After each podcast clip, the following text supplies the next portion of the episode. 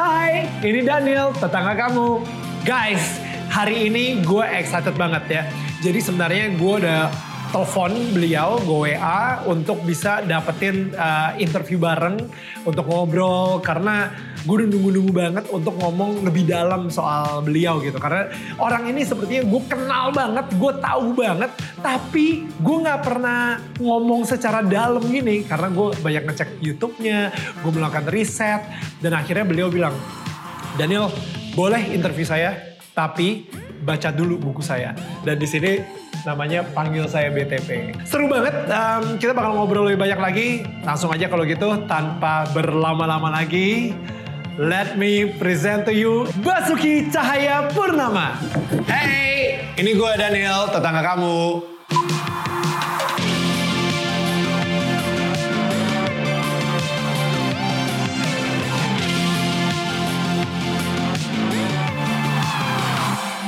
Pak, thank you banget pertama-tama uh, Pak BTP karena apa? Karena waktunya dan jujur ini excited banget. Banyak orang nih yang udah pengen minta saya ngobrol sama Bapak itu dari sejak film A Man Called Ahok keluar, tapi akhirnya kayaknya secara publik nih kita baru bisa kasih lihat sekarang nih obrolan-obrolan kita nih Pak. Saya saya tahu saya panggil Bapak itu biasanya Pak Ahok, tapi nggak tahu kenapa setelah baca buku panggil saya BTP saya jadi kayak pengen konsisten panggil Bapak BTP aja deh.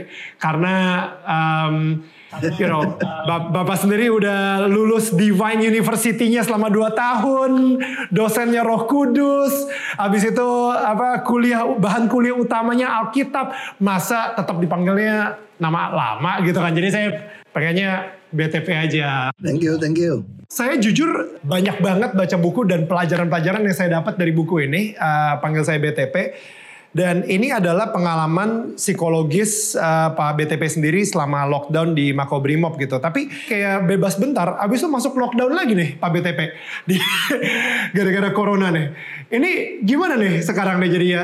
Kesibukannya apa jadi kalau pas, pas lagi zaman-zaman uh, karantina di rumah? Ya pasti lebih enak sekarang lah ya. Iya.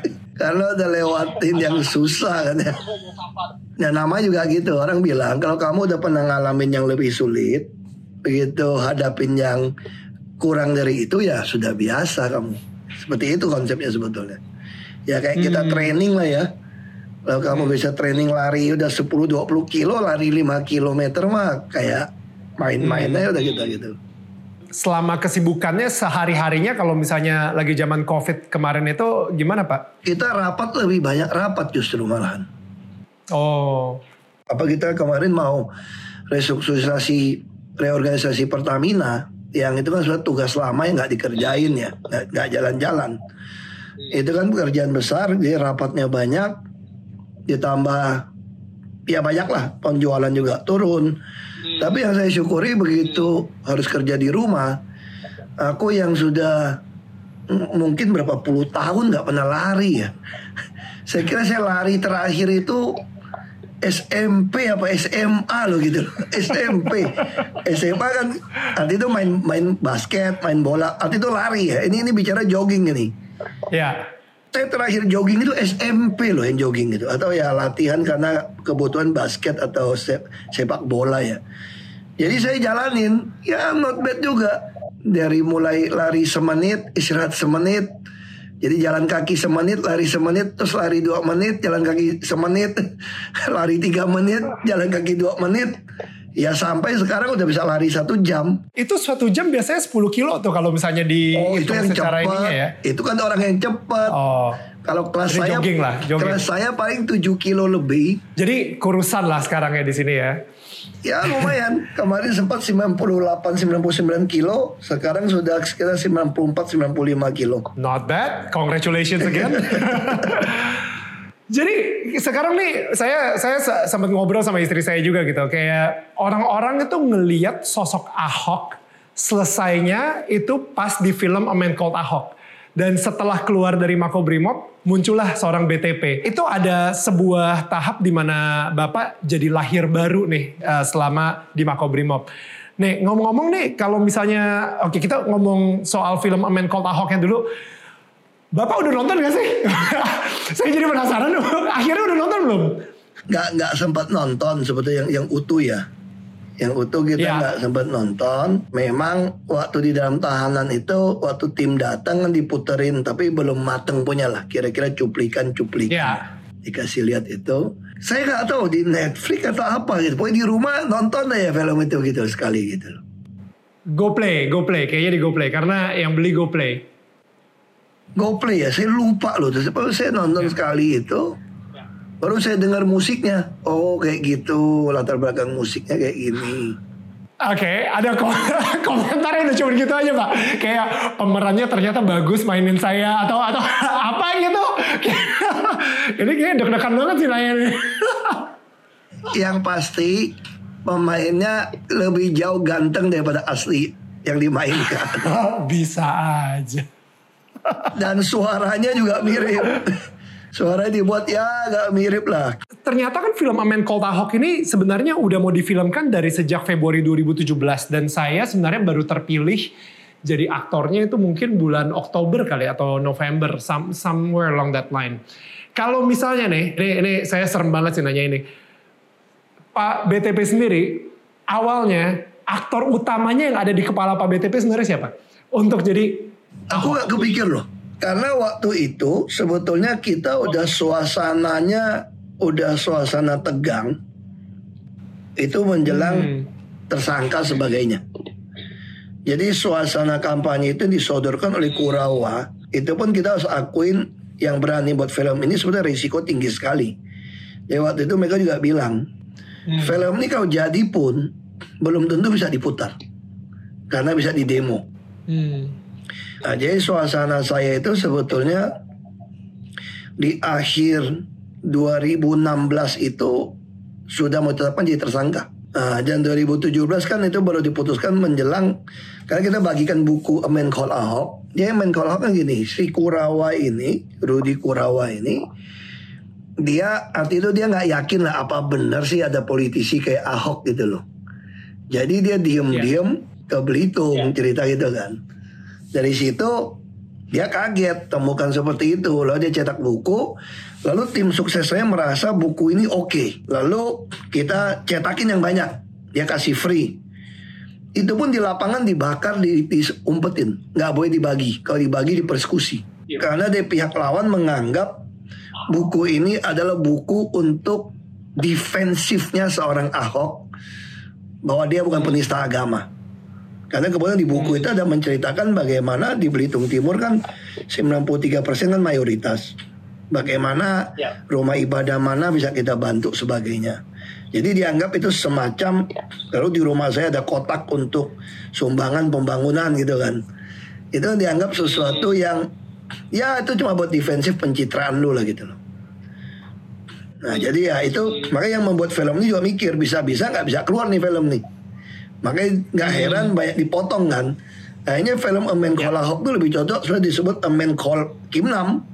Kim Nam. Ya, Sebetulnya gitu loh itu jadi film kisah bapak saya sebetulnya. ya, ya. Memang karena Kim Nam kurang populer, Ahok lebih populer pakai nama Ahok kira-kira gitu loh. Brandingnya, brandingnya lebih ngejual Ahok soalnya. Iya kira-kira gitu. Tapi jujur saya ini mungkin banyak yang nggak tahu juga gitu ya. Tapi se- selama saya di Belitung, saya sebenarnya ada tuh kayak napak tilas sama eh, supirnya Pak Kim Nam sama supirnya Pak Ahok. Si Suyan, si Suyan lah. saya namanya. Iya, Pak Suyan. Dan habis itu saya kayak diajak keliling-keliling. eh, ini Pak Ahok pas lagi di sini, wah gila udah kayak ziarah aja saya. Eh, Jadi ini Pak Ahok SD-nya di sini, SMP di sini. Saya lumayan kaget sih, kayak itu kebanyakan emang sekolah-sekolahnya bener-bener real banget dan apa ya untuk seseorang sekaya Pak Kim Nam mengirim seorang anak ke sekolah negeri seperti itu itu itu udah visioner banget sih menurut saya sih. Jadi itu itu yang luar biasa banget dari Pak Kim Nam juga gitu. Tapi emang bener kata Pak BTP juga begitu bilang kalau misalnya pas lagi kemarin itu di film sebenarnya bagian marah-marahnya tuh saya banyak banget pak. Banyak banget marah-marahnya. Tapi banyak kan di cut juga gitu. Dan saya ngerasa ya padahal saya ngerasa kemarahan Pak BTP didasari atas sebuah kebenaran. Saya jadi keinget di buku eh, ini eh, panggil saya BTP. Di sini Bapak juga bilang percuma menyampaikan kebenaran kalau lawan bicaraku sakit hati. Yang diingat bukan kebenaran dalam ucapanku tapi rasa sakit hatinya. Nah, jadi sekarang nih setelah lulus ujian dan setelah keluar lagi, gimana caranya menyampaikan sebuah kebenaran tanpa membuat sakit hati? Karena kadang-kadang kan um, susah juga ya kalau kita diem aja kita ngerasa ada sesuatu di dalam hati kita yang ini nggak bener nih kalau misalnya diterusin nggak bener. Cuman kalau misalnya kita ungkapin yang ada si orang tersebut sakit hati gitu. Saya maksud itu seperti ini. Kalau dulu kan kita bisa keluar marah dengan sangat emosi. Kalau sekarang kita menegur tegas, tapi dalam hati kecil kita tuh kita mengasihi dia sekarang. Kita berdoa buat dia. Jadi ada perbedaan sekali Nah saya bisa rasakan, saya sekarang juga belajar, kadang bisa jatuh. Jadi kalau kita marah sama orang dan kita menegur orang menyerang kebenaran dengan kemarahan, ada kebencian di dalam kita. Kalau mau itu jadi ke, suatu kebenaran, itu jadinya nggak nggak tepat. Jadi harusnya kita melakukan tuh menegur, istilah bahasanya kita menegur tapi dalam hati kita tuh mengasihi dia sebetulnya. Hmm. Kita nggak suka hmm. perbuatannya, tapi kita tidak benci dia. Kalau dulu kan kita juga bisa benci banget ya muka kita juga benci banget lihat gitu loh. Nah itu yang belajar hmm. seperti itu. Kemarahan emang tetap diperlukan sebenarnya karena ya of course kalau misalnya ada pemerkosa misalnya atau misalnya ada ketidakadilan yang lain di di dunia ini emang kita tetap perlu marah. Yeah. Do you still get angry atau akhirnya udah deh mendingan gue diem aja daripada nanti gue masuk lagi gitu misalnya? Oh enggak enggak. Kalau saya marah juga dalam di Pertamina ada merapat internal. Saya kalau hmm. dia nggak laksanakan, saya akan sampaikan. Kalau anda nggak kerjakan sekali lagi, mohon maaf, saya akan usul pecat anda. Wow. Hmm. Depan forum. Tapi ketika Anda, ini harus bedakan, misalnya contoh gitu ya. Ketika Anda melakukan sesuatu tanpa melalui izin saya, lalu saya bilang, ah, saya bukan sombong, kan saya tugaskan sebagai komut di sini. Tentu hmm. banyak hal yang kalian lakukan, penggantian direksi harus lapor kepada saya. Soal kalian mau usul siapa, saya juga nggak pernah nitip sama siapa pun. Lalu tiba-tiba ada seorang pejabat ya angkat tangan dia ngomong begini, mohon maaf itu bukan urusannya komut, ini langsung dengan Menteri BUMN. Hmm. Wah ini kalau kita pikir kurang ajar banget itu kan. Nah kalau dulu kayak gitu saya maki-maki tuh. Tapi untuk yang sekarang begitu dia ngomong seperti itu saya senyum aja. Saya coba bilang sama dirut yang lain, sekali lagi kalian lakukan seperti ini, saya akan ngajukan mundurkan diri atau pecat kalian. Tapi aku nggak marah. Waktu orang itu ngomong saya senyum-senyum aja. Kalau dulu mungkin gue ambil botol gue timpuk itu. Iya iya iya. Nah, itu gebrak meja lah intinya minimal Atau gebrak meja. meja. Ya. Gak perlu. Hmm. Kita nggak perlu. Hmm. Kita senyum aja. Hmm. Tapi begitu keluar ketemu dia berdua, gue bilang sama dia, lu sekali lagi kayak gitu gue pecat tuh gue bilang. Wow.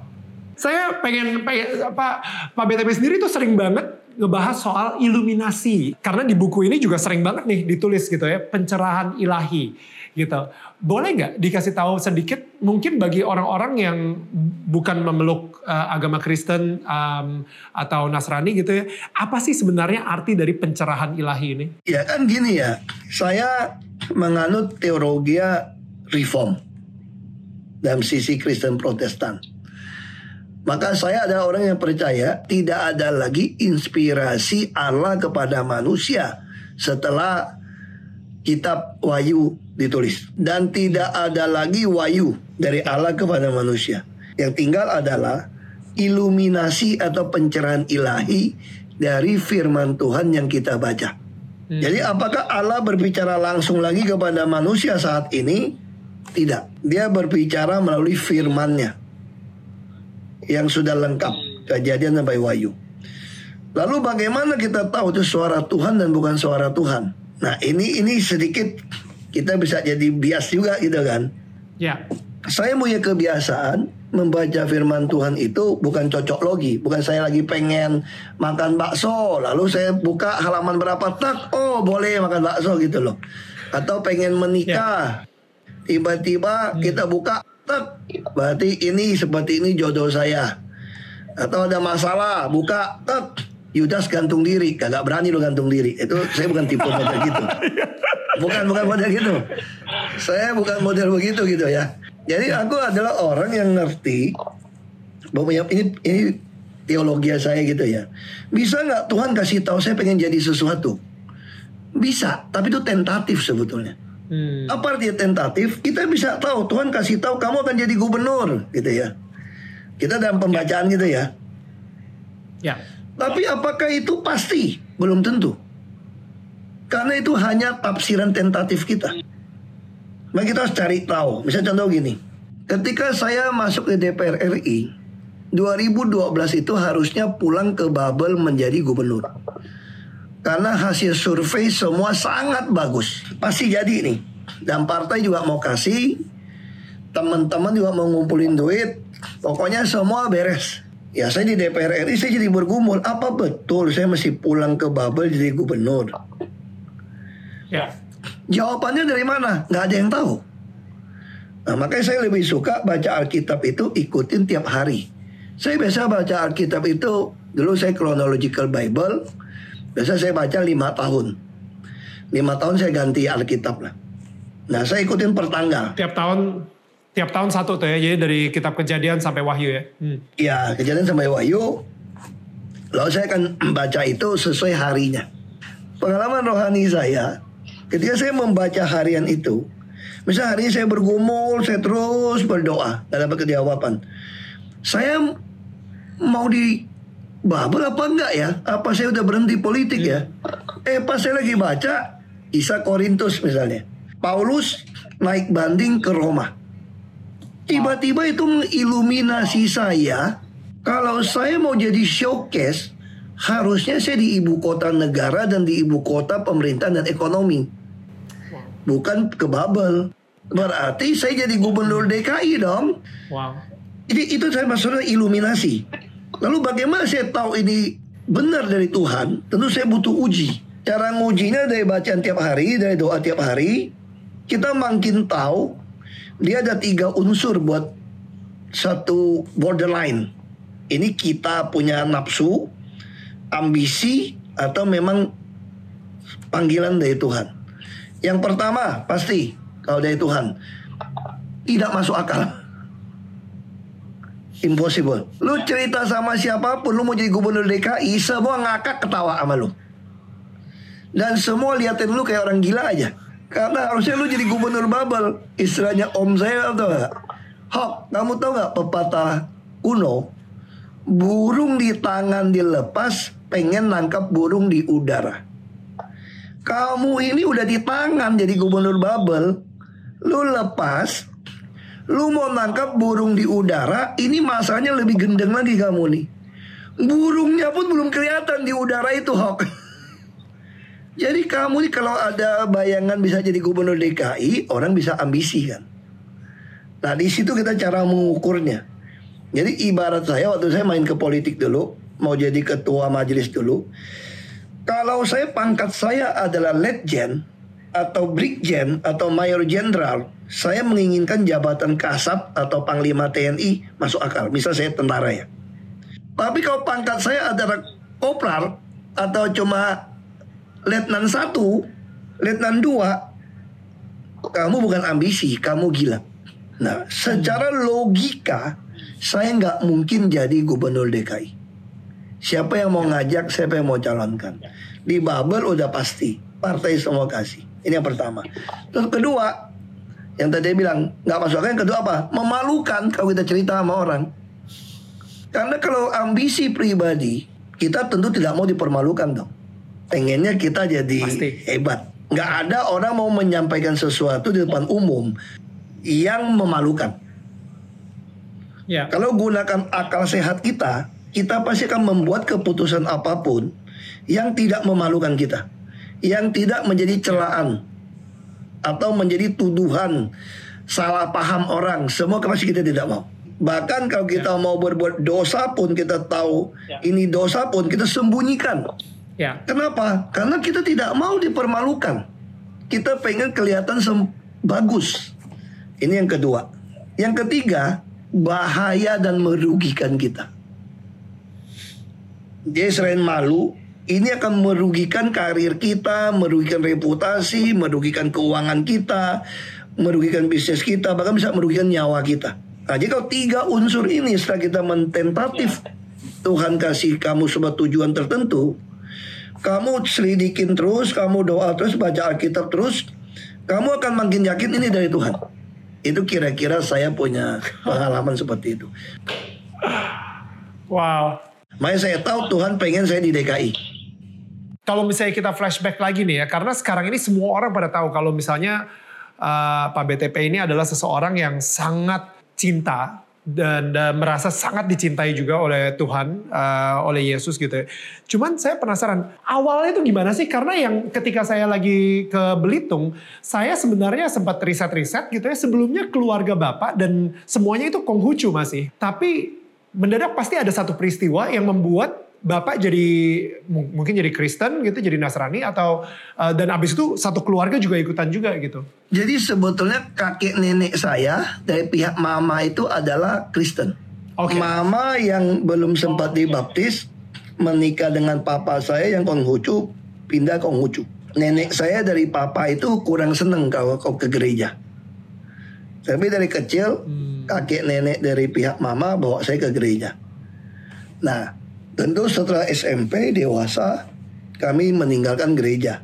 Karena memang dasarnya orang tua bukan gereja kan. Nah waktu Iya. saya mau masuk SMA di Jakarta, SMA Kristen, kebetulan kakek saya dari pihak mama ini ketua majelis. Waktu saya mau berangkat sekolah ke Jakarta, dia kasih saya satu Alkitab dia. Alkitab bahasa Indonesia. Dia bilang ini cuma bisa kungkung cuma bisa bekalin kamu Alkitab ini. Dan dia kasih saya satu surat rekomendasi bahwa saya ini pernah ke gereja. Wow.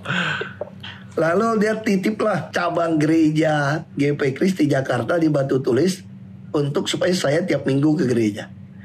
Ya minggu kan kita main basket, mana mau ke gereja tau gak? Jadi kalau udah begitu ke gereja Selasa, si pendeta udah nyari tuh takut kita kan anak rantau ada sakit ada apa gitu kan. Kita ngumpet-ngumpet. Kadang-kadang yang bersyukur masuk ke PSKD 3 tiap hari ada kebaktian.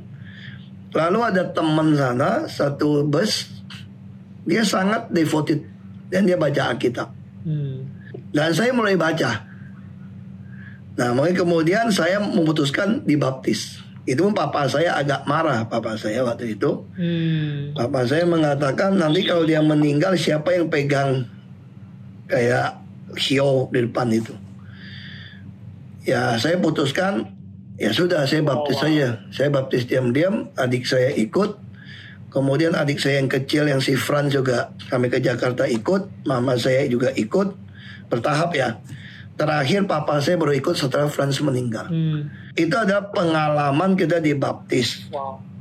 Lalu kemudian ketika papa saya sakit, dia sudah percaya Tuhan, dia sakit ke Jakarta.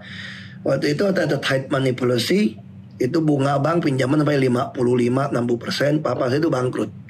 PT Timah nggak bisa bayar, Ya. pinjaman bunga berbunga, PT Ya. Timah nggak bayar, dia bangkrut. Satu Belitung hampir semua pengusaha kena lah yang Timah. Saya harus pulang menggantikan beliau. Dulu telepon susah. Ya. Kita harus telepon ke Tanjung Pandan kira-kira 90 km. Duit nggak ada, pinjem hanya makan ikan. Saya tinggal sama adik saya si Franz berdua.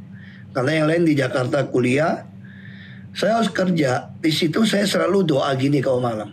Tidur sama Franz. Tuhan, kalau bisa besok saya nggak mau bangun lagi Tuhan. Saya nggak mau bangun lagi Tuhan. Karena saya bingung menghadapi ada 12 lokasi tambang, 150 lebih karyawan yang nggak bisa saya gaji, nggak bisa kasih makan, saya nggak bisa punya minyak, nggak punya spare part. Saya buat makan aja pembantu yang ngurusin adik saya itu sekarang baru meninggal tahun ini. Tahun kemarin saya datang juga. Dia yang ngongkosin kasih makan, mau telepon minta sama abang bapak pinjam mobil om QQ itu saya jalanin. Makanya saya selalu pengen tidak mau bangun. Tapi setiap kali saya bangun pagi, saya duduk di beranda rumah. Itu dulu tuh ada rumput Manila ya. Jadi itu ada embun gitu bagus. Saya kali duduk saya ngomong, saya nggak pengen hidup lagi lah. Nah saat itulah semua firman Tuhan yang pernah saya baca. Yang secara rutin saya baca dulu. itu keluar di dalam pikiran saya menjalin sebuah komunikasi. Bisa komunikasi seperti apa? Misal saya bilang Tuhan saya sudah nggak sanggup jadi pengusaha untuk tambang ini. Kalau saya mau diambil pulang pun saya baik ambil pulang aja lah. Lalu tolong sembuhkan bapak saya segala macam. Itu tiba-tiba saya bisa ingat firman Tuhan saya baca. Saya pun nggak ingat di potongan mana. Bisa di Mazmur. Bahwa terus saya selalu ada komunikasi bicara gitu ya. Bukan dengan suara. Kalau suara saya pasti kabur. Ini nggak ada suara. Tapi dalam hati saya keluar. ya di hati lah. Kamu muncul. takut bangkrut. Kira-kira gitu ya. Iyalah ini udah bangkrut ini. Bukan takut. Terus Tuhan tanya. Semua harta yang kamu punya, semua rumah ini, semua tambang itu punya siapa? Saya ingat, ya punya Tuhan ya. Saya cuma dititipin ya. Kamu ini manajer. Tapi saya takut bangkrut. Terus Tuhan bilang ini, bagus. Kamu kalau jadi manajer kerja sama saya takut perusahaan bangkrut, berarti kamu manajer yang baik. Banyak manajer kerja sama orang nggak peduli perusahaan bangkrut. Dia pikir cuma terima gaji. Nah kamu bagus, berarti Ya. kamu orang upahan yang bagus. Sekarang saya tanya, ini perusahaan punya siapa? Kalau gitu, punya Tuhan. Itu kalau punya saya, mungkin nggak saya bangkrut. Gunung, lembah, semua isinya timah punya saya. Kenapa kamu takut bangkrut? Saya harusnya lebih takut bangkrut daripada kamu. Kan kamu cuma pegawai. Kan saya yang punya.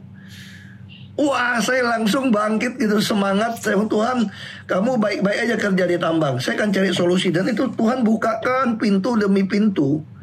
Sampai apa saya pulang, saya ada perselisihan dengan beliau. Saya mesti ambil master, pulang bangun pabrik. Itu saya melihat tuntunan Tuhan itu begitu luar biasa. Mulai sejak itu saya mulai ngerti firman Tuhan yang saya baca itu itu bisa keluar iluminasi. Ya. Orang baca Ya. potongan dan tiap tahun baca ulang lagi, dapatnya beda lucu. Beda. Bagiannya berbeda. Makanya sejak itu saya ke mana pun, saya lebih penting bawa Alkitab saya.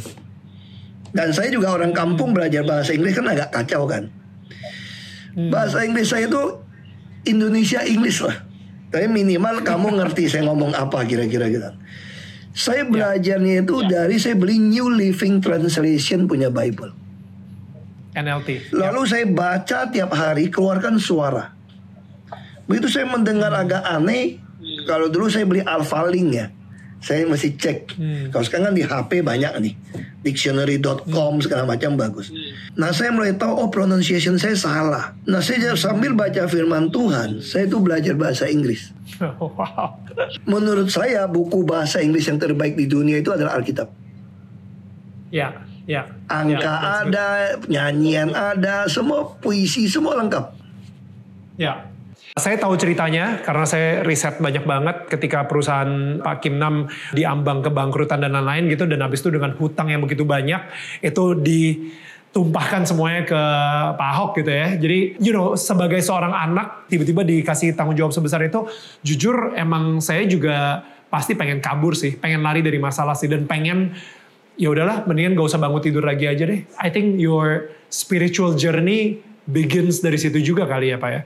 Sebenarnya Bapak sendiri kan bisa jadi pendeta. Saya ngelihat Bapak sendiri juga dulu sempat aktif di gereja. Habis itu mempunyai jemaat banyak banget. Sebenarnya bisa. Nggak perlu masuk ke politik gitu kan. Tapi kenapa memilih dunia politik? Tetap dunia politik gitu. It's you know, uh, it's it's a huge challenge kan pastinya. Saya semua itu dapat panggilan itu ketika saya masih bujangan. Ketika saya sedang baru menyelesaikan lagi kuliah S2. Mau jadi pendeta, jadi pastor. Nah, saya bergumul setengah mati. Apakah saya akan ke Saat Malang, Seminari Alkitab Asia Tenggara di Malang. Kenapa? Setelah saya selesai S2, ternyata papa saya itu sudah betul-betul tidak bisa ketolong lagi usahanya. Dan dia mulai sakit berat. Saya harus pulang untuk kedua kalinya. Nah saya waktu itu bergumul, saya ini S2 loh, master.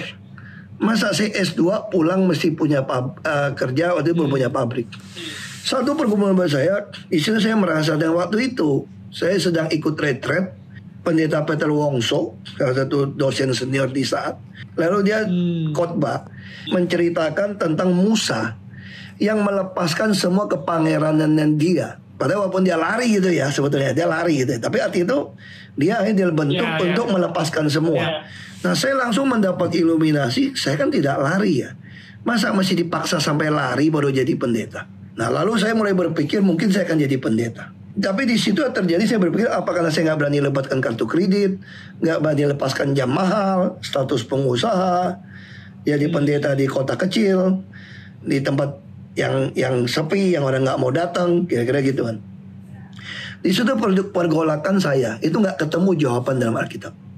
Sementara adik-adik saya masih kuliah di luar negeri, bapak saya sakit, kena kanker, bisa meninggal, uang juga nggak ada. Saya juga satu pihak mengatakan kalau kamu jadi pendeta, kamu melarikan diri, nggak tanggung jawab. Tapi satu mengatakan enggak, kamu pengecut aja, kamu nggak mau jadi hamba Tuhan karena kamu takut melepas status jadi pengusaha. Wah ini kan dua, ini kan nggak ada nggak ada rumusnya kan. Tapi saya terus minta Tuhan kasih saya jawaban Tuhan. Saya mau satu jawaban. Dan satu pagi minggu itu Tuhan menjawab saya.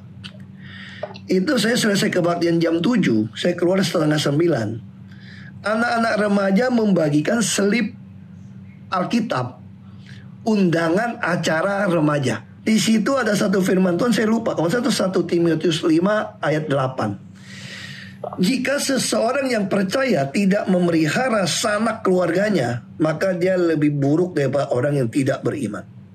Sederhana firman ini. Tapi bagi saya adalah iluminasi menegur saya, kamu harus tanggung jawab kepada keluarga kamu. Wow. Nah di situlah saya putuskan pulang. Saya mulai kumpulkan buku-buku teologi ya. Ya. Saya belajar itu saya katakan, saya walaupun jadi pengusaha, saya tidak boleh beda sama sekali dengan seorang lulusan sarjana teologi.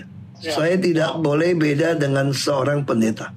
Nah itu yang saya lakukan. Lalu ketika ada panggilan ke politik, ketika saya jadi ketua gereja, saya majelis ketua majelis, saya 13 tahun pegang gereja. Ketika saya mengundurkan diri dari ketua majelis, saya masih ingat pada almarhum ada pendeta satu, dia panggil saya. Dari mana Hok kamu tahu nih suara Tuhan? Wah ini jawaban yang susah sebetulnya. Iya. Iya. Karena nggak ada Alkitab yang menjelaskan dong. Kalau kamu mau mau saya bilang, saya bilang saya mau jadi pendeta, ada ribuan ayat mendukung saya jadi pendeta. Betul. Mau bilang dukung jadi politisi, ada ribuan ayat juga bisa jadi politisi, lu bisa cari-cari. Mau cari Daniel lah, mau cari Nehemia lah, Betul. mau Yeremia macam-macam lah kamu bisa dapatkan. Lalu Iya. Tuhan kasih saya hikmat jawab seperti itu. Saya, saya bergumul tadi ngomong. Saya bilang, bagaimana kalau saya menyatakan ingin ngambil sekolah teologi? Itu baru kehendak Tuhan katanya. saya temukan kadang-kadang banyak pendeta itu suka menghakimin orang menggunakan pengalaman umum ngerti nggak? Padahal Tuhan tidak pernah berbicara kepada dia tentang kita secara khusus. Setelah tabir bait suci terbelah dua, kita nggak butuh imam lagi tau nggak? Eh, tentu kita harus ada guidance. Bukan berarti Ya. tidak perlu sekolah teologi ya, nggak betul. Ya. Anda harus ada guidance, jangan sampai menyimpan. Nah, lalu saya bilang begini, justru saya berpikir dalam pergumulan saya, kalau saya jadi pendeta, waktu itu gereja kami cukup kaya, 1.500 lebih lah orang. Kalau 1.000 jemaat kasih saya 1.000 dolar, saya satu tahun ada 1 juta US dollar. Kaya saya. Cuma saya robah gaya bicara saya saja baik, Tuhan memberkati, melindungi, baik-baik gitu. Saya tidak mengatakan jadi pendeta nggak boleh dapat uang, tidak. Hmm. Itu firman Tuhan mengatakan dia yang membagikan firman Tuhan wajar dapatkan uang dari jemaat. Makanya situ saya bilang bukan panggilan saya. Nah kenapa saya tahu panggilan ke politik? Di Belitung Timur itu yang meng- menguasai itu kan fraksi partai yang agak radikal kira-kira gitulah ya. Ingin memperjuangkan dulu sempat ngomong mau rubah Pancasila segala macam. Saya Kristen hanya 0,7 0,8 persen. Bagaimana mungkin saya bisa jadi politisi terpilih gitu loh. Tapi saya baca satu buku, Hmm. Saya ini adalah showcase untuk mempertontonkan sebuah kuasa transformasi Tuhan. Maka itu saya katakan panggilan saya adalah prophetical voices bukan political voices. Ini menyuarakan suara kenabian. Ya. Itu saya baca satu buku. Artinya apa? Saya kalah, dikalahkan pun saya tidak peduli. Yang penting saya telah mengajarkan tentang kebenaran. Jadi kalau ada yang lebih baik dari saya, ya jangan pilih saya. Kalau kamu mengerti tentang kebenaran dan keadilan dan kejujuran, itu yang membuat saya makin yakin. Saya tahu ini panggilan. Karena kalau jadi pendeta itu masuk akal, tidak rugi dan tidak malu. Nah sekarang saya bilang saya mau ke politisi, nggak masuk akal, hitungan politiknya kalah, terus saya juga malu dicap sangat ambisius duniawi, kedagingan, macam-macam lah. Ya. Terus yang ketiga, saya juga rugi, bisa bangkrut perusahaan saya. Bahkan nyawa saya bisa hilang. Betul, Makanya saya tahu ini panggilan. Makanya saya putuskan yang ambil yang ini gitu Pencerahan ilahi itu kan kayaknya atau iluminasi itu mungkin just step by step ya. Kecil di depan dilihat. Dia nggak pernah kayak spotlight untuk ngasih lihat nih ke depannya kayak gitu gitu. Tapi misalnya saat itu dulu lagi bergumul antara mau jadi pendeta atau jadi politisi gitu misalnya ya itu tiba-tiba dikasih lihat spotlight ke depan. Kalau misalnya lu masuk politik, iya benar, lu akan jadi gubernur, tapi lu akan jadi narapidana juga. Apakah Bapak akan tetap memilih untuk masuk politik dan menjadi gubernur? Atau kayak, waduh ini pencerahan ilahi, udah deh gue di zona nyaman aja deh. Dan yang menarik ya ikut Tuhan itu ya, dia tidak pernah memberikan kita sesuatu yang melampaui kekuatan kita. Hmm. Jadi kalau dia tahu kamu kalau dikasih tahu dari awal masuk penjara kamu mundur, Tuhan nggak kasih tahu kamu masuk penjara. Nah, apa yang membedakan takdir versi kita nih? Hmm. Itu saya katakan kenapa saya gunakan kalimat tentatif. Saya suka ini dari kalimat Stephen Tong ini dia bilang sama saya, ketika saya dikasih tahu akan jadi gubernur di DKI untuk ikut gubernur, itu tentatif. Saya nggak tahu bisa jadi apa enggak. Tapi saya hmm. tahu saya tidak mencalonkan diri jadi gubernur di Babel. Tapi jadi nggak jadi saya nggak tahu. Apakah cuma hmm. Tuhan pengen saya cuma sampai bilang mau nyalon doang mau berKTP. Jadi tentatif. sebetulnya tentatif ikut Tuhan itu kita sepanjang progres jalannya itu selalu ada opsi dan opsi. Hmm. Kamu mau opsi taat atau tidak? Ini selalu ada opsi. Kamu lebih pentingkan Tuhan atau orang lain? Semua ada opsi. Nah opsi ini kalau kamu salah milih bisa jadi kamu nggak jadi yang tentatif yang diberikan pada kamu. Bisa contoh gini kan, hmm. ketika KTP saya tidak terkumpul, saya mulai berpikir nggak mungkin saya jadi gubernur DKI dong. Sedangkan gubernur Babel masih buka. Terus semua orang nawarin saya, Hok, kamu harus pikir, jangan terlalu ambisi mulai dulu dari gubernur Bangka Belitung kan sama saja. Dari gubernur yang kecil nanti baru jadi pindah ke ibu kota kalau udah sukses. Berarti ini di tengah jalan saya dikasih dua opsi lagi nih. Menguji kita dengan tiga tadi. Kalau saya ngambil gubernur Babel berarti ini kan mungkin tidak malu dan tidak menakutkan. Hmm. Hmm. saya tetap stick enggak. Saya tahu kehendak Tuhan tetap di Jakarta Langsung saya tolak yang bubble saya nggak mau nyalon.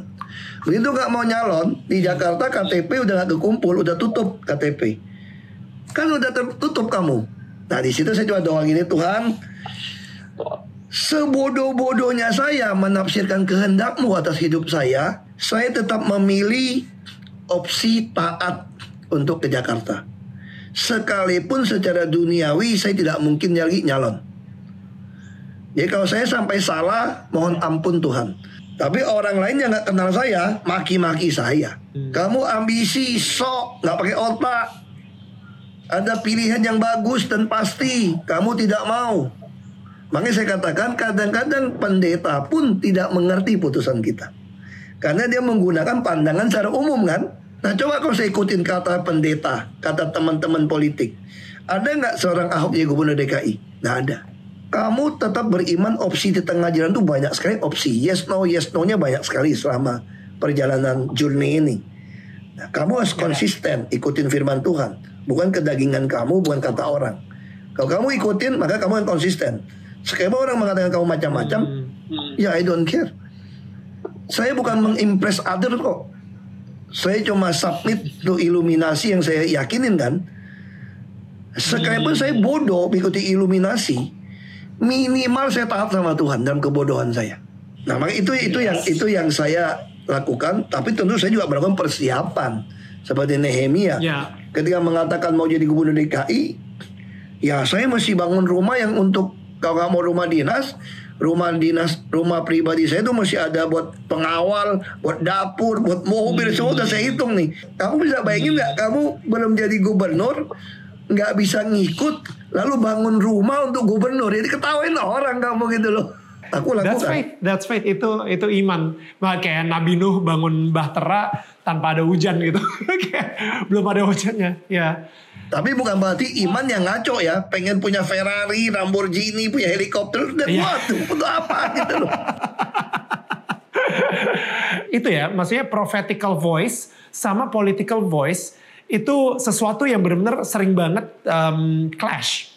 Dan Bapak sendiri itu uh, tetap mengambil yang prophetical voice, biarpun terlihat bodoh, uh, dirugikan, dan kayaknya bisa ada resiko dipermalukan gitu. Nah, as a leader kita selalu dihadapin sama yang namanya keputusan-keputusan keputusan dan ada keputusan yang sangat besar yang Bapak uh, ambil juga yaitu bercerai dan juga menikah lagi. An- Dan itu diambil di Makobrimob dan itu pun juga karena pencerahan ilahi gitu kan. Ini kemungkinan Bapak juga tulisnya sebelum keputusan cerai ya. Jadi di halaman 95 ditulis kakek meninggal setelah tiga bulan pernikahan putra sulung dan sidang kasus dan bercerai. Pak Kim Nam sendiri meninggal setelah tiga bulan uh, Pak BTP menikah dan habis itu kena sidang kasus masuk penjara dan sampai akhirnya bercerai juga gitu. It it seems like history repeats itself ya. Itu kayak menurut Bapak kepercayaan Tiongkok atau kira-kira emang udah jadi jalan suratan dari Tuhan gitu? Itu total bukan suratan dari Tuhan. Itu yang saya katakan, iblis ingin meyakinkan kita untuk percaya ikut dia. Supaya kamu percaya ada kutukan seperti itu. Untuk meyakinkan kamu bahwa cerita seperti ini bisa terulang. Total enggak. Makanya saya bilang sama mama saya, tidak. Makanya kenapa kita harus mempertahankan pernikahan. Saya waktu itu berpikir tidak mungkin cerai. Karena saya juga mempunyai pemahaman Tuhan tidak suka perceraian. Saya Kristen ortodok. Ya. Berapa kali salah pun harus kita ampunin.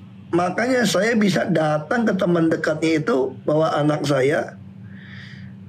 Saya sebagai gubernur ya, ketika lihat situasi tambah runyam, I was begging in front of him. I did depan anak saya. Dan ketika kita datang nih, makanya anak saya yang pertama bilang dia udah bilang udah bubar aja, saya nggak bisa. Bagi saya, Trump showcase itu adalah the whole family as a showcase. Makanya orang boleh mengatakan saya bodoh segala macam mempertahankan berapa tahun. Saya katakan ini adalah showcase the whole family. Sayangnya si cowok ini kan dia bukan orang yang percaya. Biasanya kan orang begitu kan. Ketika kamu lemah, begging, dia bukannya pity on you. Dia merasa dia di atas angin. Wow, ini gubernur Jakarta lagi mohon-mohon nih sama gua nih. Jadinya malah malah i- pride-nya ya, egonya malah. I was a governor loh. Saya datang begging, saya menyampaikan istrimu tidak tahu, istrimu lagi mau melahirkan. Dan mumpung saya mau terima kembali istri saya, boleh nggak kalian bubaran? Toh sudah bertahun-tahun dari kamu masih bujangan, sudah dekat gitu. Waktu saya begitu datang, saya bilang, Anda laki-laki, saya juga laki-laki. Saya tanya kamu namanya ini ya? Oh iya, saya nggak kenal dia dong, dia kenal saya kan. Terus saya bilang, saya bawa anak saya, kamu punya anak, saya juga punya anak. Oh saya kenal anak kamu. Nicholas, Natania, Daud. Kan dari kecil suka bawa ke kantornya. Si Niko udah mau mukul loh. Kalau saya kasih lihat kamu foto, saya sengaja foto suruh polisi. Saya nahan Niko, kalau kita pukul, makanya di situ saya katakan, setiap kali kita ikut, itu ada anugerah Tuhan. Orang suka tanya sama saya, kok kamu bisa hari ini 100% kasih karunia Tuhan. Kalau ikutin emosi saya, mungkin saya masuk penjara karena nembak kepala orang.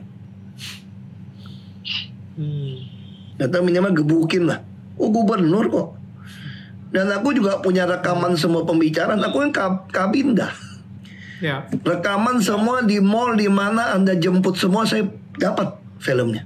Persoalannya, Anda kan mau keluarga kamu utuh. Hmm. Nah, saya punya pemahaman kan as a showcase. Ya. Karena itu saya harus merendahkan diri saya Ya. untuk sampaikan. Tapi dia cara berpikir beda. Berpikir kalau saya pukul dia. Di luar pintu ada pengawal saya segala macam. Apalagi saya sama anak saya. Anak saya itu bisa pull up 27 kali. Dia lagi gitu emosi. Dua lawan satu mah patah tuh iga semua tuh. Bisa-bisa mati. Hmm. Tapi kalau saya menempuh opsi itu, ada nggak cerita Ahok dikirimin bunga orang masuk penjara? Nggak ada. Makanya saya katakan takdir itu, takdir itu Tuhan tidak pernah menakdirkan kita untuk hal-hal yang jelek. Tuhan juga tidak menjadikan manusia itu seperti robot, tau? Karena Tuhan ingin kita itu ada willing untuk choose. Kita ini boleh pilih. Pilih kita mau jadi apa gitu loh. Makanya saya katakan saya tidak mungkin menempuh sesuatu. Ada dua dalam hubungan manusia ya. Kita membunuh orang atau kita berzina. Jadi dari 10 hukum Allah dalam hubungan manusia yang sangat jelas adalah membunuh orang atau kita berzina teman sebetulnya teman. Saya nggak mungkin membunuh orang. Nah, saya juga tidak mungkin meneruskan sebuah kesalahan seperti itu. Lalu saya sampaikan, kamu juga punya anak, mau anak kedua, mau anak kedua, mumpung istrimu belum tahu, boleh nggak kita sama-sama kembali? Lalu dia dengan sombong menjawab, bukan urusan saya itu, urusan domestik saudara, bapak dia bilang urus sendiri. Wah di situ Niko udah mau mukul itu. saya harus tahan. Saya pun, makanya saya katakan itu karena kasih karunia Tuhan. Harga diri saya diinjak-injak. Sebagai laki-laki, sebagai gubernur, dan saya berkuasa dan saya lebih kuat posisinya. Dan dia salah gitu kan. Tapi kan saya Wow. tidak mau mempermalukan istri saya waktu itu. Ini kan tetap mamanya anak-anak. Hmm. Saya juga pengen menutup aib ini. Kan saya pengen keluarga saya balik. Ya. Makanya saya tutup. Saya nasihatin. Tapi apa yang saya dapat di rumah maupun itu. Makin berani. Lalu makin saya cerita sama orang nggak suka. Dia bilang saya defense. Saya bilang. Hmm. Kalau saya berpikir secara opsi ya. Kan teman-teman saya banyak juga. Saya punya teman juga banyak ada masalah suami istri banyak. Tapi mereka tidak cerai, pisah kamar, masing-masing punya pacar. Persoalannya, saya punya adik kan lulusan Swiss ini. Ini lucu nih. Dia bilang gini sama saya. Ya gimana ya kok ya? Ini persoalan kan cuma persoalan kamu tidak bisa terima gaya hidup seperti ini. Di luar negeri juga biasa saja. Istri punya pacar, teman dekat, suami juga punya pacar. Ini berdua cuma secara acting, hidup bersama. Seperti kakak adik. Memang sudah nggak cocok. Dan what? Wow. Saya nggak bisa. Makanya saya nggak boleh mengucapkan kalimat cerai. Ya. Tetapi ketika orang yang kita tegur malah makin kompak berdua, makin pergi berdua, karena sebenarnya kalau ditanya, dia mau nggak cerai sama saya? Oh enggak sebetulnya. Mereka cuma salah ngitung. Mereka berpikir lu Kristen nggak mungkin cerai. Wow. Terus yang kedua, kamu udah datang ke saya pun gue maki-maki lu, lu nggak berani pukul gue juga. Dia tidak memandang. Wah ini gubernur lu, gue nggak digebukin, gue udah bersyukur nih. Dimaafin gue mestinya berhenti nih. Dia pasti berpikir terbalik tau gak? Lu gubernur aja gak berani ngapa-ngapain gue lu. Ya. Karena lu pasti takut jabatan lu. Apalagi lu mau pilkada kan? Hmm. Nah ini ini kan dua sisi yang berbeda ya. Makanya sampai masuk tahanan saya ngomong. Saya sakit sekali di dalam tahanan kau tahu kamu pergi berdua ke Singapura atau ke mana-mana. Boleh nggak stop? Hmm. Itu saya putuskan cerai. Pendeta saya Bentong marah sama saya. Pendeta David juga marah sama saya. Semua pendeta ya marah sama saya lah, secara logika lah. Terus dia dia kasih Ya. rekaman Ya. 9 menit saya lupa pendeta datang besok saya diputerin, kira-kira kamu ini udah tanggung kok. Udah jadi saksi Tuhan masuk ke penjara.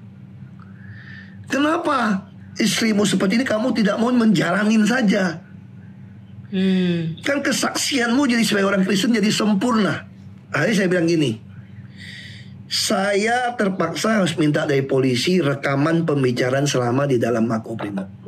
Tapi lu dengar ini nggak bisa dipublikasikan keluar karena ada masalah kasus seperti ini. Nah, lalu kasih Benjamin dengar 4 jam lebih. Lalu Pak Tong ngomong gini ya Bapak Benjamin. Kan ber- berapa kali kan dikumpulin ini. Hmm. Lalu ini kasih dengar dia pada Benjamin saya nggak tahu. Benjamin ngomong gini. Pak Tong bilang siapa pun tidak boleh melarang Ahok menceraikan istrinya. Itu bagaimana Tuhan begitu jelas. Misalnya contoh gini ya.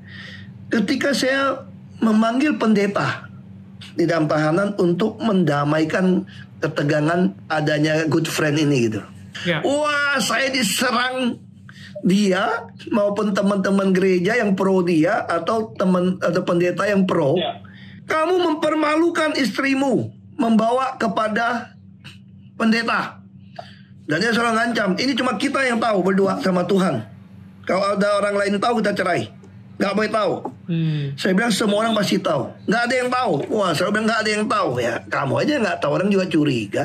Saya pun bergumul dong. Oh iya ya, kok saya tega ya? Kenapa saya masih bawa kasus ini ke pendeta buka cerita ini ya? Saya merasa bisa bersalah loh. Hmm.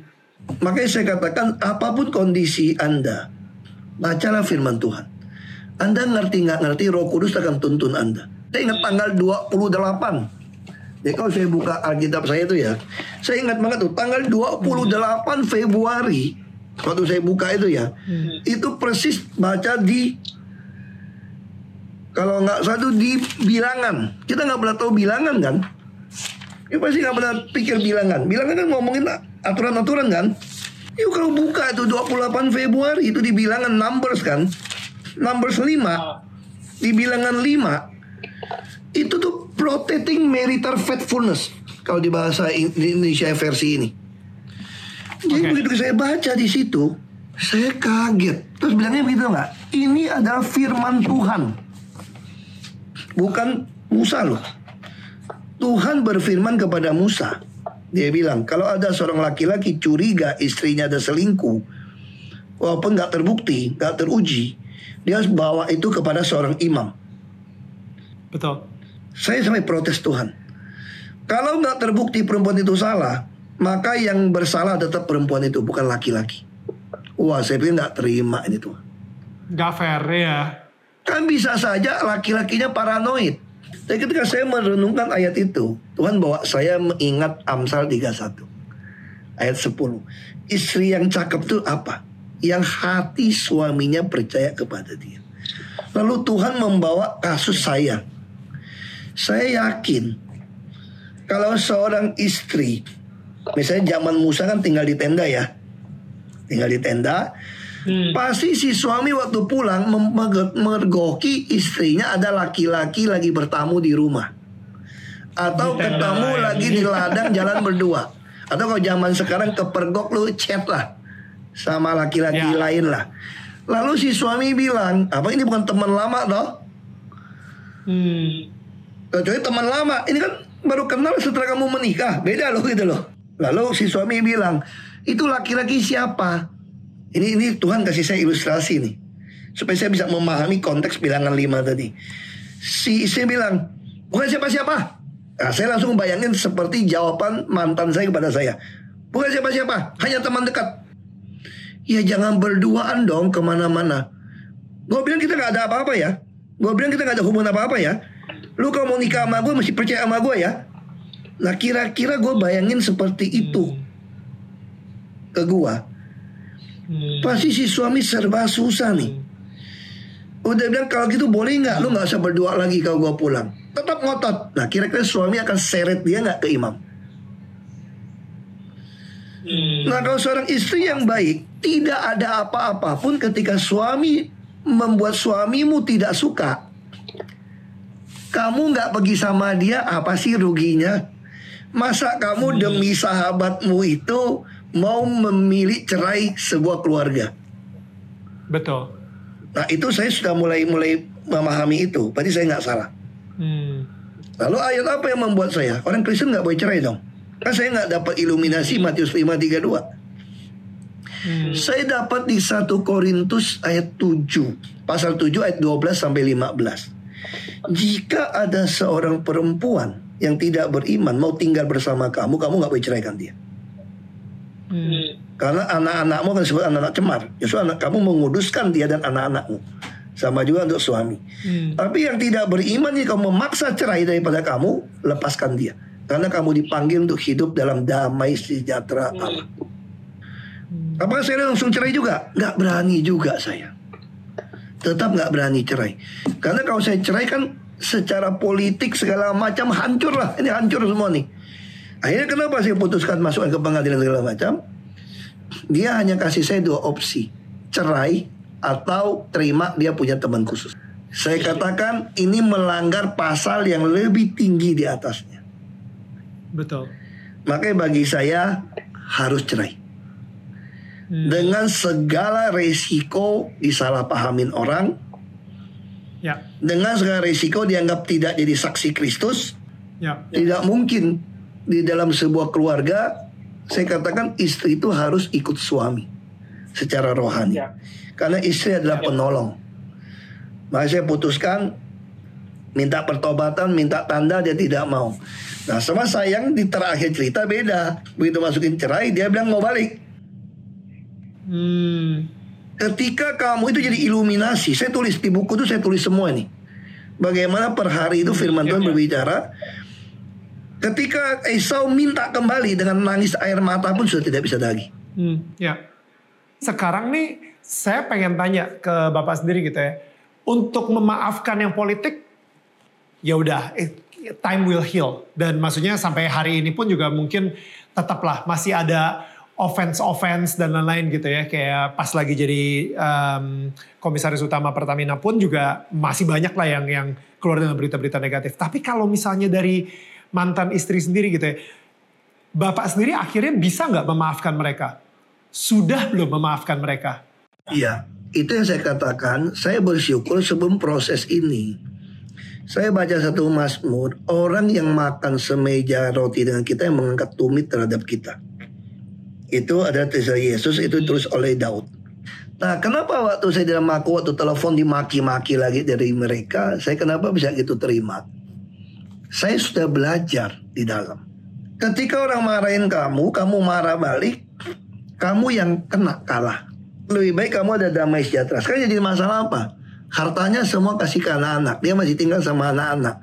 Semua rumah udah nyerong pun saya beli rumah Pantai Mutiara pun masih nama dia juga. Kenapa? Saya masih kasih nama dia apartemen udah tahu dia ada teman baik nih. Karena saya kan mau menangkan dia kembali. Orang mengatakan saya goblok. Harusnya mulai saat itu udah nyimpen-nyimpen harta dong. Saya tidak. Hmm. Makanya di situ saya belajar. Ketika kita bisa melepaskan harta dunia, melepaskan pengampunan, kamu free. Makanya aku sekarang lebih sehat daripada dulu. Lu kalau lihat foto gua sekarang dibandingkan gua jadi gubernur, aku lebih ada lebih more shape, lu ngeliat? lebih bagus lah. nih. Jadi ketika Ya. kamu mengampuni orang, ikutin Tuhan, the truth will set you free. Itu janji Tuhan. Step-stepnya apa sih untuk mengampuni orang? Kalau saya sendiri mungkin belum tentu bisa ngampunin good friend-nya dan mungkin mantan juga gitu. Saya katakan nggak ada guna kita lakukan seperti itu. Kita benci sama orang hanya merusak jiwa tubuh kita. Nah di situ saya kira saya bisa mengerti kenapa Tuhan mengajarkan kita untuk mengampuni musuh-musuh kita sekalipun. Karena itu yang akan membuat jiwa kita, tulang kita semua jadi sehat. Lalu sekarang jadi pernikahan gua orang masalahkan. Ini orang masalah nih pernikahan. Gue tanya sama mereka, kalau kamu jadi saya, kamu berani sembarangan nikah nggak? Trauma sih. Kalau gue cerai dua kali kan cilaka nih gue nih. Nah terus ya, Lagi. Hmm. kalau gue keluar sebagai duda, ini yang gue doa sama Tuhan nih. Tuhan, sempat tanggal 3 Desember, saya tulis tuh di dalam iluminasi rema saya yang folio itu. Saya bilang Tuhan apakah saya akan keluar dari sini menjadi pendeta saja. Pendeta yang tidak menikah melayani umat. Itu saya tulis. Saya berpikir saya akan jadi seorang seperti Paulus. Tapi dalam pergumulan itu, saya temukan tidak dalam imam dan raja. Itu disebutkan itu.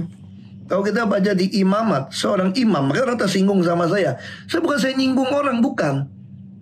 Orang salah paham. Kan saya bilang saya ikutin iluminasi. Iluminasi itu mengatakan seorang imam itu tidak boleh menikah dengan janda. Kecuali jandanya imam. Lalu saya cari, bukan. Kebetulan Tuhan tuh begitu ajaib. Lewat si Jarot menceritakan lu nikah sama yang baru gede perawan kalau jauh ada cerita lah nih versinya Jarot nih. Ya, ya, ya. Kok bisa kena banget ya sama bacaan saya ya? Saya dikirimin buku George Austin, Breast in the Darkness. Itu buku tuh terbitan September 2017. Saya terima Desember dari adik saya. Nah, di situ ada bilang Tuhan bilang, if someone broke up your relationship, you nggak usah stress because aku udah memprovide you someone more kinder, more fun, and more appealing to you. Jadi ketika satu pintu ditutup, pintu lain sudah dibuka. Saya kaget. Kalau saya sharing sama teman saya yang tidak gitu devoted Christian. Dia nggak percaya kan, dia bukan orang yang ikutin, dia cuma ke gereja KTP lah. Dia bilang gini sama saya. Ya. Lu kalau bilang Tuhan menyediakan buat lu, lu di penjara mana ada cewek, ho? Ini staff lu punya istri, ini udah ini, umur udah lewat, ada pacar, ada apa, nggak masuk akal. Cuma satu yang gue lihat agak lumayan dia bilang. Itu ajudan bini lu tuh. Itu agak lumayan tuh. Terus dia bilang itu tuh Tuhan yang kasih lu tuh kalau dia tuh katanya tuh. Gue bilang dia mana mau sama gua ya. itu anak umur berapa bos? Tuh gue tanya lu umur berapa? Siap 20 ah, Seumur anak gua beda dikit tahun Itu yang ngaco lu bilang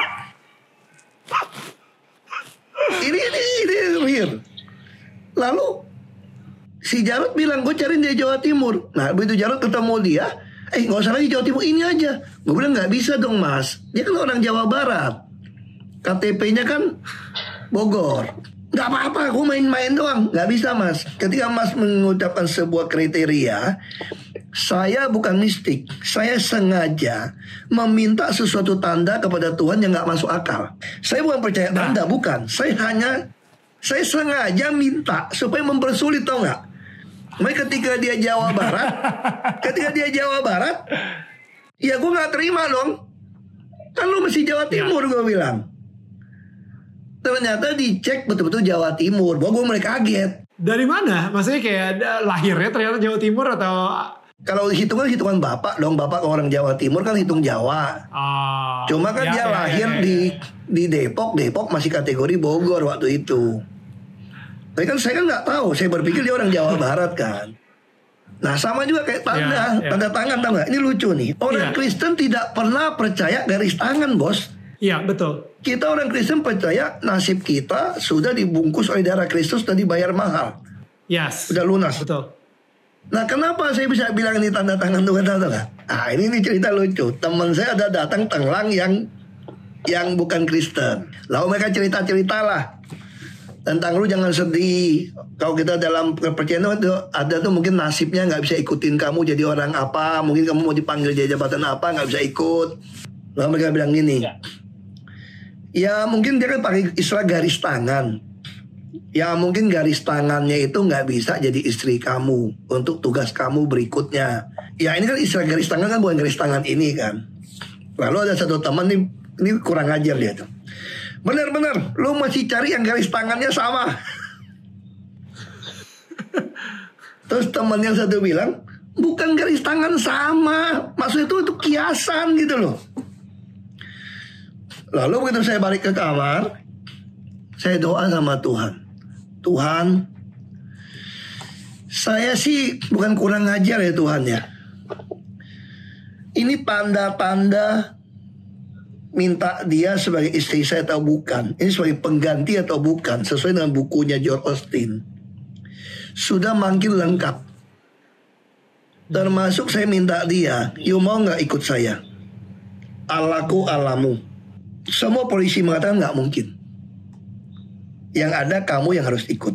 Makanya orang menuduh saya mabuk cinta lah. Karena baru cerai.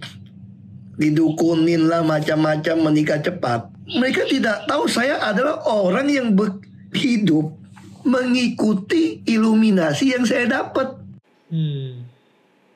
Ada teman saya, bukan teman masih saudara jauh. Hmm. Lalu dia cerita sama mama saya. Eh, anakmu hebat bener ya. Jadi polisi lepas, agama ikut anakmu. Hmm. Oh, mama saya jawab dia dengan satu jawaban yang sangat jitu. Ini mama saya cerita. Kamu kenapa nggak bisa kayak gitu? Karena lu udah jatuh cinta, lu nggak tanya lagi, lu udah mabok cinta. Diminta syarat apa pun lu ikut. Hmm.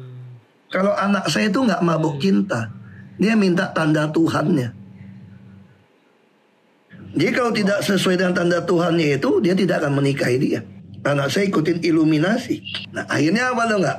Saya doa gitu Tuhan, ini mungkin the last, tapi ini konyol banget Tuhan. Ini ini konyol Tuhan sebetulnya Tuhan. Minta tanda lagi masih ya. Ini benar-benar kayak Gideon banget deh. Karena aku takut kan. Masih minta tanda lagi. Iya. Aku iya. takut dong Tuhan. Ini ini yang terakhir ya Tuhan. Kalau ini benar sama Tuhan ya. Aku aku nggak mau nggak mau ini lagi deh Tuhan. Ya. Mau dibaptis sudah, mau nikah sudah, lepas polisi semua sudah nih. Mau belajar masakan mama saya sudah, belajar bikin kue mama saya sudah. Masih minta tanda lagi. Ini kali. Ya. Ah apa tanda yang dibilangin teman saya itu masuk akal ya Tuhan ya garis tangannya sama garis tangan manusia kan nggak ada yang sama tapi ya, garis ya, tangan ya. utama kan ada kan garis-garisnya ada utama nih empat ya, garis utama ya. sama dong secara Aha. semua nggak ada yang mirip tapi garis utama bisa mirip Oke. Okay. Jadi saya bilang Tuhan, ini aku nggak kurang ajar Tuhannya. Ini udah kayak si Gideon nih. Aku bukan kurang ajar Tuhannya aku pengen yakin apa bener dia ini aku harus nikah sama dia gitu loh. Apa kata dunia? Ini apa kata orang? Terus tim politik saya bilang begini. Bapak kalau menikah sama dia, lawan akan dengan mudah menuduh Bapak selingkuh dulu. Semua orang percaya. Padahal dia masuknya kan bulan Oktober setelah mau demo besar. Bukan ajudan saya, orang nggak mau tahu. Hmm. Dia tinggal di rumah, hmm Orang tuduh saya selingkuh, gimana mau selingkuh? Jendela kamar bini gua di atas, sebelah kamar mak gua. Terus kamu mesti lihat dong. Kalau gua mau selingkuh, gua udah sama siapakah? Yang yang di kantor kayak gitu loh. Gak sebego itu juga. Tapi ya sudah. Jadi secara politik, ya. Bapak nggak boleh. Bapak harus menikah dengan orang yang tidak pernah Bapak kenal. Ini ini hmm. advice politik. Saya bilang masalahnya kalau saya ikutin advice kamu, saya keluar. Kamu sekarang tes cariin deh. Saya kasih waktu tiga minggu. Orang dari Jawa Timur, adik satu, umur pas mau usia nikah, bapak emak lebih muda dari saya, rumah ada AC sesuai yang dikriterikan Jarot tuh cari dulu deh. Oh kami nggak sanggup pak. Kita umumkan pun bingung. Nah itu pertanyaannya saya bilang. Kalau saya keluar dengan petunjuk Tuhan begitu jelas, saya bingung mau ngejar siapa. Ya. Daniel bisa kenalin sama temannya yang janda itu loh. Bisa kenalin sama temannya yang tidak menikah. Dan semua bilang bagus orang gereja. Ya. Lalu dari mana saya tahu itu dari Tuhan? Hmm. Nggak tahu. Sedangkan ini sudah jelas. Hmm. Baik jelas. Ya Tuhan, kau ini ya sama Tuhan. Berarti sorry deh Tuhan, gue gua, gua baru yakin deh dari lu, gue nggak berani Tuhan, karena ini omongannya terlalu banyak ya. Walaupun ini semua masuk nih. Ya. Aku panggil ya. penjaga, tolong panggil dia datang dong. Lu kenapa pak? Kan dia tinggal di balik temboknya Mako Brimob kan. Saya mau lihat tangannya sama nggak sama saya. Ketawa tuh polisi tuh? Jadi itulah kesannya saya adalah orang yang percaya garis tangan bukan sebetulnya tuh gak? Iya, iya, benar-benar secara literal ya, maksudnya kayak garis tangan dalam arti kayak Garisnya sama, sama atau enggak gitu. Sama sama saya, kiri kanan. Sama ternyata. Ya, sampai anak saya satu bulan, kita sengaja cetak garis tangan berdua, parok. Kami ada di cetak garis tangan berdua, ditaruh nih selain garis apa kaki dan tangan anak saya satu bulan ya. itu. Bukan saya percaya garis tangan itu cuma konyolnya saya maksa Tuhan yakinin gue nikah sama ini orang gitu loh. Untuk kasih pertanda luar biasa. Ini keyakinan saya yang membuat saya bertahan hari ini. Iluminasi firman ini yang membuat saya bertahan. Wow. Nah kalau sekarang saya bisa punya kehidupan lebih baik, ya anugerah Tuhan buat saya saya pikir ya. Saya nggak pernah berpikir bisa hari ini. Kenapa saya begitu galau waktu itu ya? Karena teman-teman pengusaha saya rata-rata nggak berani mempekerjakan saya. Karena takut akan diserang. Bantu saya oke, tapi takut. Saya ini ibaratnya istri simpanan. Enak dipakai tapi nggak mau diakuin saya bilang. Ya saya butuh pengakuan kerja yang ada pajak dong. Betul nggak? Saya masih ada pengakuan kerja yang ada pajak. Ya, tapi Tuhan bukakan jalan. Orang yang nggak gitu dekat sama saya pun tidak datang ke Mako. Dia kasih saya kerjaan, tawarin saya job yang baik, dan bayar pajak resmi di perusahaan TBK. Nah itu cara Tuhan yang saya nggak pernah pikir. Makanya saya selalu percaya ketika kita mau melepaskan segalanya. Nah termasuk si puput kan. Ketika ada duit beli mobil, saya kasih mama saya dulu. Dia nggak apa-apa. Nah Tuhan kasih dia mobil lebih baik. Wow. Jadi memang saya lihat ya ada satu. Apakah saya sama Puput tidak ada masalah? Oh pasti orang ngomong-ngomong sosmed itu sangat mengganggu dia. Suami istri saya yakin bisa cerai loh baru menikah berapa bulan kalau tidak hati-hati. Tapi saya bersyukur sama Tuhan. Ketika kita menikah, kita sadar ini kehendak Tuhan.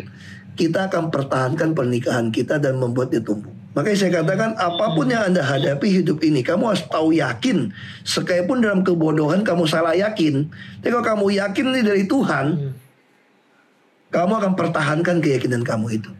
Nah itu akan membawa kamu jadi bebas. One last question. Um, apa pencerahan ilahi yang mungkin sekarang ini Bapak dapetin?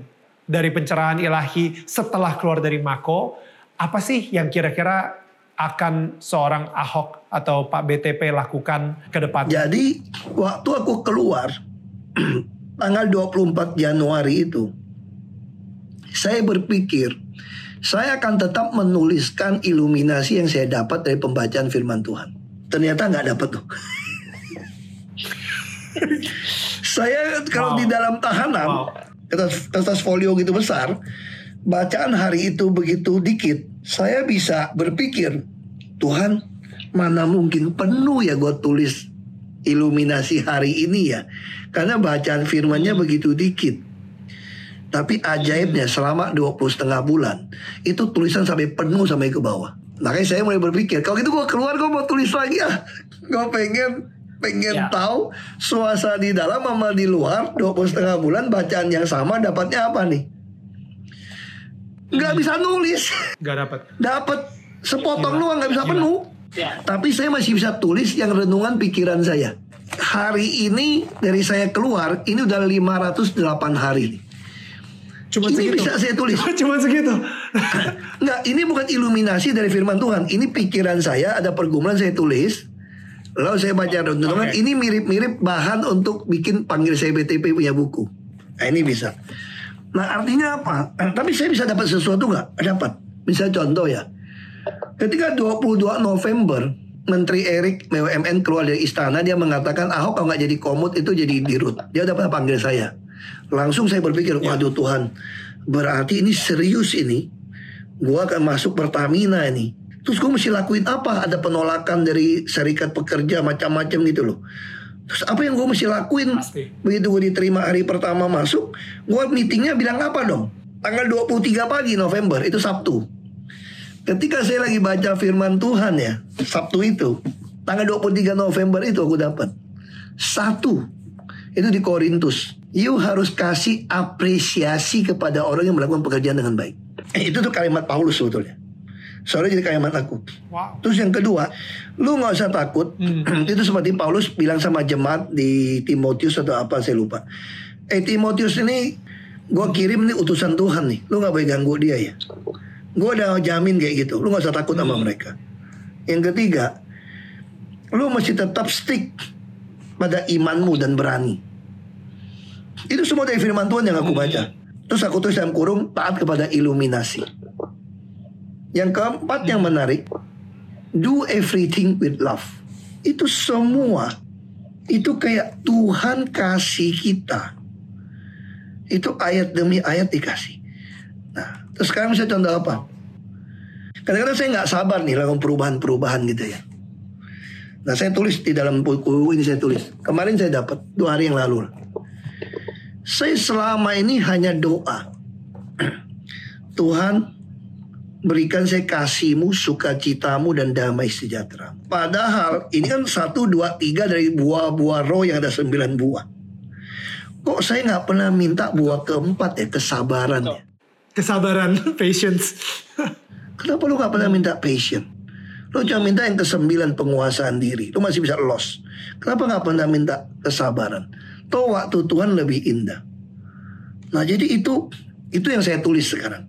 Dan pergumulan kerjaan di Pertamina, saya tulis dapatnya apa. Hmm. Pak, thank you. Thank you juga loh. Jarang orang baca buku saya habis. Thank you so much for your time. Salam buat Sama-sama. Mbak Uput sama give uh, Yosafat uh, an extra hug dari saya. Nanti kapan kita ketemuan sama Nico juga? Ada satu toko yang udah baca buku saya habis sampai seharian. Terus dia WA saya telepon. Dia senang banget ada penyelesaian. Itu justru Buya Safi Ma'rif. Buya Safi Ma'rif Wow. dia baca. Dan dia merasa sangat terinspirasi semua ada solusi. Jadi kalau kamu ikutin buku saya ini betul-betul sampai si Ya. Prof Hamdi bilang ini mau kristenisasi atau apa bilang. I don't think so. Pak, sampai ketemu lagi. Kita will will keep in touch. Nanti saya WA and uh, Thank you, ya. yeah, please go ahead to your Oke. meeting. Saya nggak enak. Banyak orang Masih- pegang meeting Oke, lagi aku dengerin dia tadi nih. Dual dual sound ini. Oke, ya mari Pak. Thank you. Bye. Thank you. God bless. Thanks guys sudah mendengarkan podcast Daniel Tetangga Kamu. Dan jangan lupa untuk follow podcast Daniel Tetangga Kamu di Spotify dan share ke sosial media kalian sekarang juga. Kalian juga bisa menyaksikan Daniel Tetangga Kamu hanya di Daniel Mananta Network di channel YouTube-nya setiap hari jam 4 waktu Indonesia bagian Barat. Karena setiap minggunya akan ada sosok-sosok inspiratif yang akan menceritakan perjalanan spiritual mereka. Guys, gue cuma bilang sekali lagi, thank you so much.